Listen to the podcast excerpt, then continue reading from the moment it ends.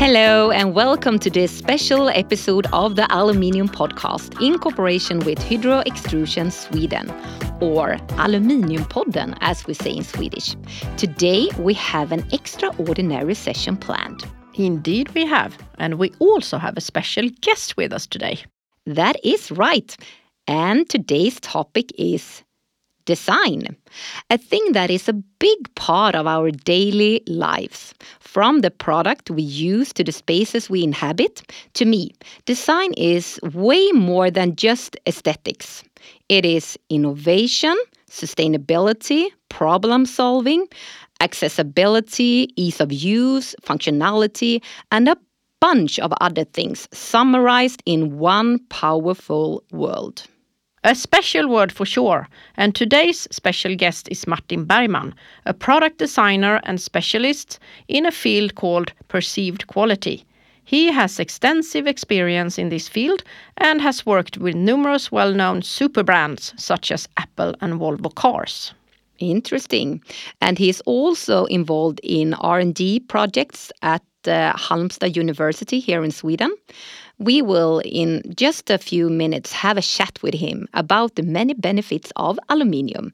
But first, we want to mention a few things about a very special design manual.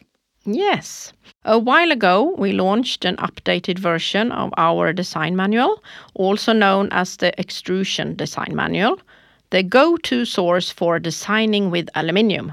This manual consists of 19 chapters covering everything from sustainability, alloys, bonding, taping, and friction stir welding to tolerances, surface quality, corrosion, economics, and general design advice. In other words, with Hydro Extrusion's help, you can make your design even better. If you want to use aluminium extrusion, this manual is the best resource in the industry. And it is also free. The best part it is free. I like the free part, as I am from Småland. I agree with you, definitely. So it sounds like a great deal to me. It really is. I would like to stretch it even further. It is invaluable for anyone who wants to increase their understanding of aluminium design. We launched the first edition back in 1980. Since then, the design manual has been uh, updated and made available to customers, architects, designers, engineers, and uh, a lot of students who want to learn more about extruded aluminium profiles. You will find it at hydro.com. Yes, and today we are going to talk about some of the highlights, but from a designer's perspective. We are not going to have a reading in the studio. Instead, we will have a chat with a design expert, Martin Bergman. Welcome to the podcast, Martin. Thanks a lot. It's really nice to be here. And we are so excited to do a full episode about design. And we are glad you could join us today. Let's start with the basics. Tell us a little about yourself. Who is Martin Bergman, the product designer? Right. So it's a totally different who I am and what I do, I would say. Um, my profession as a designer today differs a bit compared to where I started. Um, I have a bachelor degree in product design, um, uh, a master in mechanical engineering, and also a master in industrial design. And today I do R&D within perceived quality of materials uh, to ensure um, a robust production of components normally. Um, I'm a perceived quality expert of materials, I would say. Yes, and we are going to dig into that a bit more, aren't we, Ulrika? We mentioned a thing called perceived quality at the very beginning. What is it? Why is it important? And why do you find it interesting? Right. So perceived quality is basically everything when it comes down to products, I would say. Uh, perceived quality refers to subjective assessment or judgments of the quality of a product or service uh, made by customers or users. Uh, it represents the overall impression uh, formed by individuals uh, based on their expectation of the product. Um, perceived quality is important because it significantly influences the customer satisfaction and brand uh, perception, obviously, and also purchase deci- decisions. Me personally find uh, perceived quality interesting because it highlights the role of perception in shaping the customer behavior around products. And understanding and managing perceived quality can provide valuable insights for businesses to improve their products and meet customer expectations, for instance, um, and also differentiate themselves in the market. Great. And I recently read an article about you. In this article, you state that many companies that you have worked with in the past are good at design and quality from the cons yeah, from the customer's perspective. But they lack the methods for handling the aspect of perceived quality from start to finish. Maybe you can elaborate on this for our listeners a bit more. Right. Um, so, first of all, understanding and managing perceived quality can provide really valuable insights for businesses to improve their products, right? So, um, and different differentiates themselves on the market, as I said. It, it, it involves a combination of design, marketing, customer experience strategies, um, and, and, and making it a multidimensional uh, and intriguing aspect of business management. It, it's a so-called wicked problem because it, it handles so many things at the same time. While companies can control certain aspects of their products or services today, we know that. And they have limited control over how customer actually perceive them, though. Um, even if a company believes it has delivered a high quality offering, customer may perceive it differently based on their own basis or prior experience. And this needs to be measured, uh, which is really difficult. I, on the other hand, uh, I believe in research and data. Um, and to implement a method or workflow that handles perceived quality, not only requires the framework itself, it requires also a transdisciplinary team, a T-shaped team with skilled people within human factors and quality assessment. And the adequate tools for measuring physical components is also necessary, but also the trust from the management to um, be able to own the, the, the question regarding perceived quality that is not always the case. So it's a multi-dimensional issue, I would say, and it's it could be tricky to handle uh, for for for some businesses. As we all know, aluminium can be used in a wide range of products, from laptops designed in California to cars made by Sweden, and basically everything in between. From our point of view, it is the perfect material for both engineers and designers looking to create products that are strong, lightweight, durable, and corrosion resistant.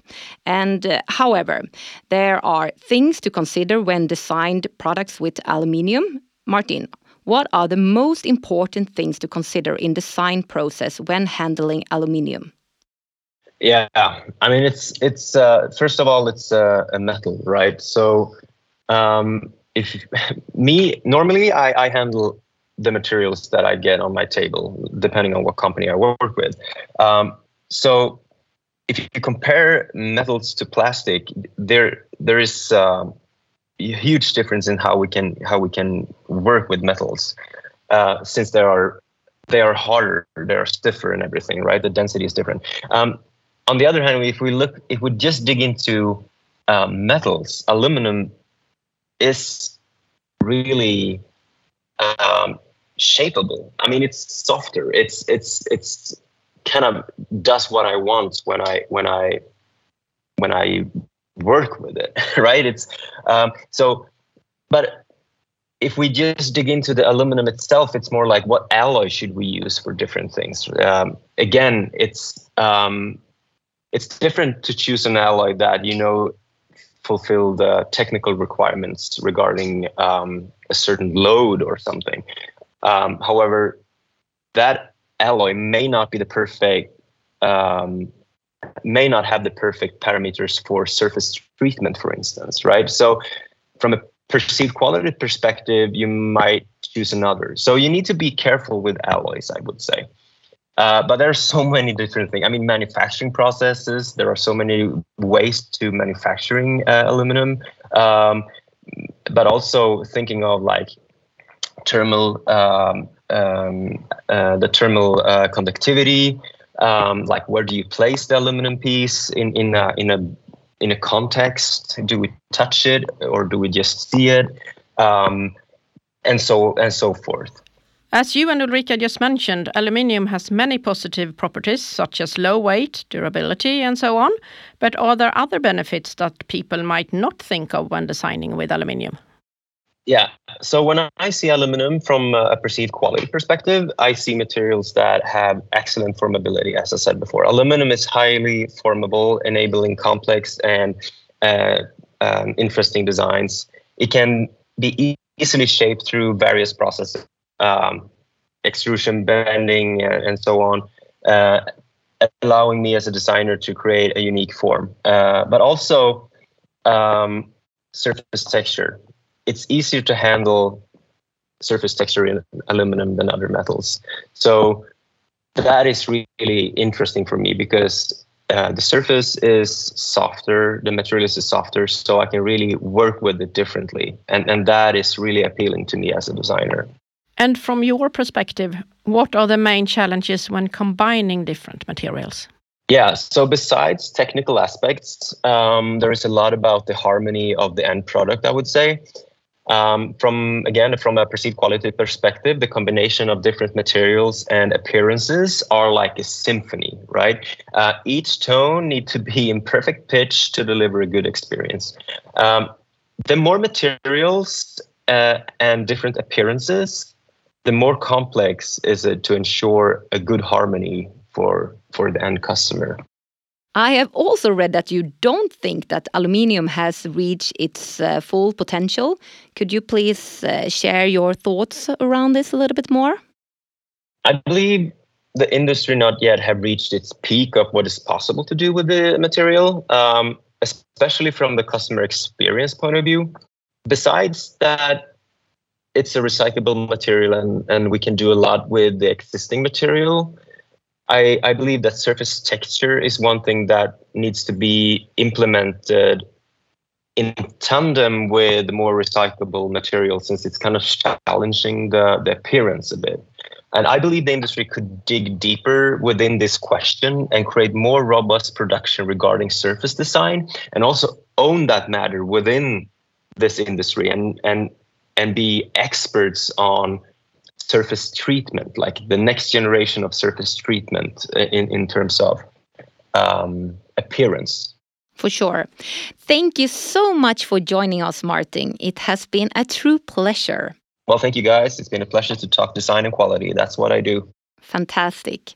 And uh, we have uh, had many tricky questions and uh, many interesting answers here today.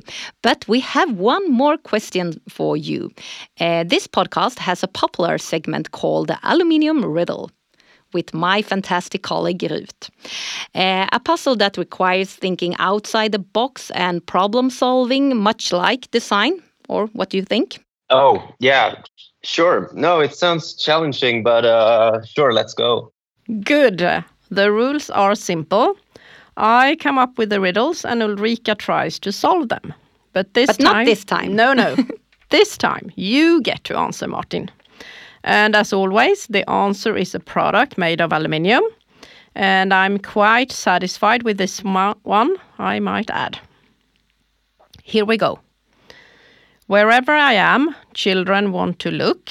I'm full of stories, but I'm not a book. A large surface and a body that is thin. I can light up for you, so bright and dim. So, Martin, what am I? Yeah, this was a good one. I think I've been working with one of these, uh, the materials uh, on one of these products, but since I only get one, I guess I need one clue. Um, so please help me out. Okay, uh, let's see. Uh, I'm not a phone and I'm not a computer. I'm something in between. Right. So then I think it's a tablet made of aluminum. Fantastic job, Martin. It was a really great clue, also, Ruth. Thank you. Yeah, the aluminium riddle is a winning concept, just like aluminium itself.